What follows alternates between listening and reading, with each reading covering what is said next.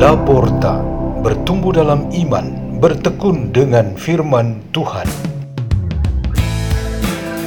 Radio Laporta, pintu terbuka bagimu untuk pertumbuhan pengetahuan dan kebijaksanaan tentang Allah.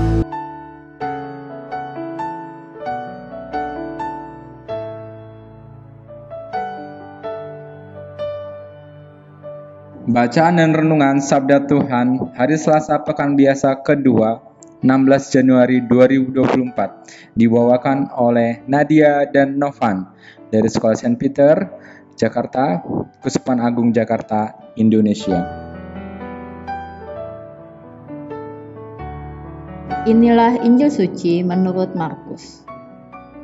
Pada suatu hari Sabat, Yesus berjalan di ladang gandum dan sementara berjalan, murid-muridnya memetik bulir gandum.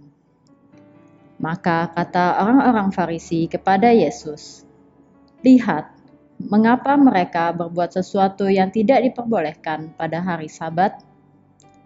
Jawab Yesus kepada mereka, "Belum pernahkah kamu baca apa yang dilakukan Daud ketika ia dan para pengiringnya kekurangan dan kelaparan?"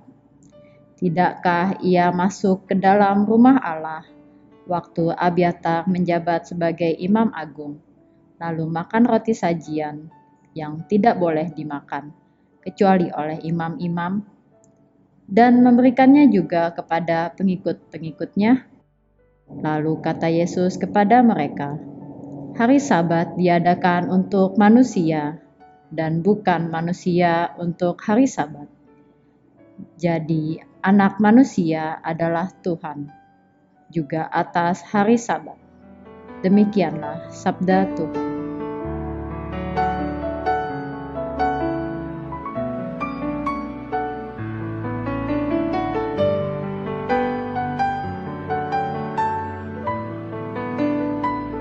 Tema renungan kita pada hari ini ialah kereta dusta. Seorang anak kecil usia 4 tahun sedang asik dengan mainannya. Ia menjalankan kereta api panjang yang menyusuri jalan panjang berliku di atas matras yang dibentangkan di lantai. Lalu ia berteriak kepada semua anggota keluarga dan tamu yang hadir supaya bersiap masuk ke dalam kereta.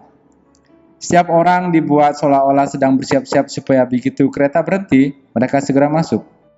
Tidak boleh ada yang terlambat. Kalau ketinggalan kereta, resiko tanggung sendiri, kata anak itu.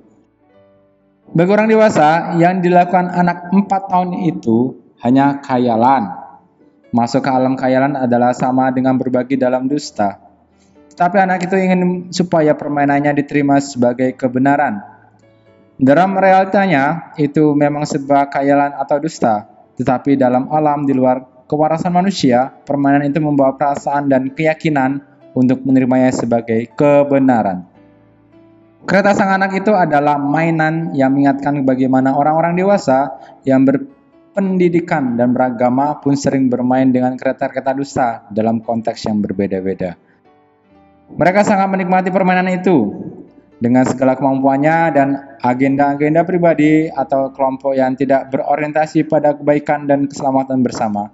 Mereka mainkan dusta secara bersama dan besar.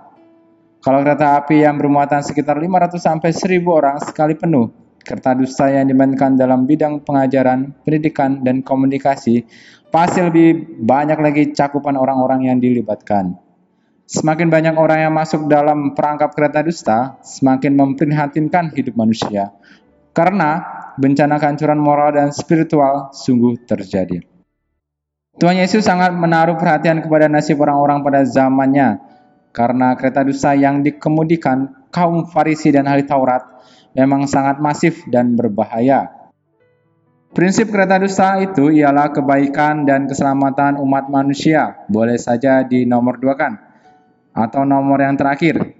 Sedangkan aturan agama dan unsur-unsur prosedural menjadi nomor satu. Padahal mereka adalah pemuka agama dan masyarakat. Mereka dilihat dan didengarkan oleh banyak orang. Mestinya mereka tidak boleh menjadi penyiksa dan pembawa sial bagi sesamanya. tetapi mereka justru menjadi pembawa sial. Tentu saja kita harus melawan segala bentuk kereta palsu. Kebohongan yang ada di zaman komunikasi digital ini menjadi instrumen komoditas yang besar dan harus dilawan dan dimusnahkan. Kita harus memakai kebenaran Kristus untuk melawannya. Pemilihan Raja Daud untuk menggantikan Saul merupakan sebuah kehendak Tuhan yang benar. Tindakan Tuhan ini sungguh menghalau kepalsuan yang menyiksa dan menghancurkan kehidupan. Marilah kita berdoa. Dalam Bapa dan Putra dan Roh Kudus. Amin. Ya Tuhan Yesus, bantulah kami dengan segala kekuatan supaya kami mampu melawan arus dusta yang besar yang sedang kami hadapi di dalam dunia digital ini. Salam Maria penuh rahmat Tuhan sertamu, terpujilah engkau di antara wanita dan terpujilah buah tubuhmu Yesus. Santa Maria Bunda Allah, doakanlah kami yang berdosa ini sekarang dan waktu kami mati. Amin. Dalam nama Bapa dan Putra dan Roh Kudus. Amin. Radio Laporta, pintu terbuka bagimu.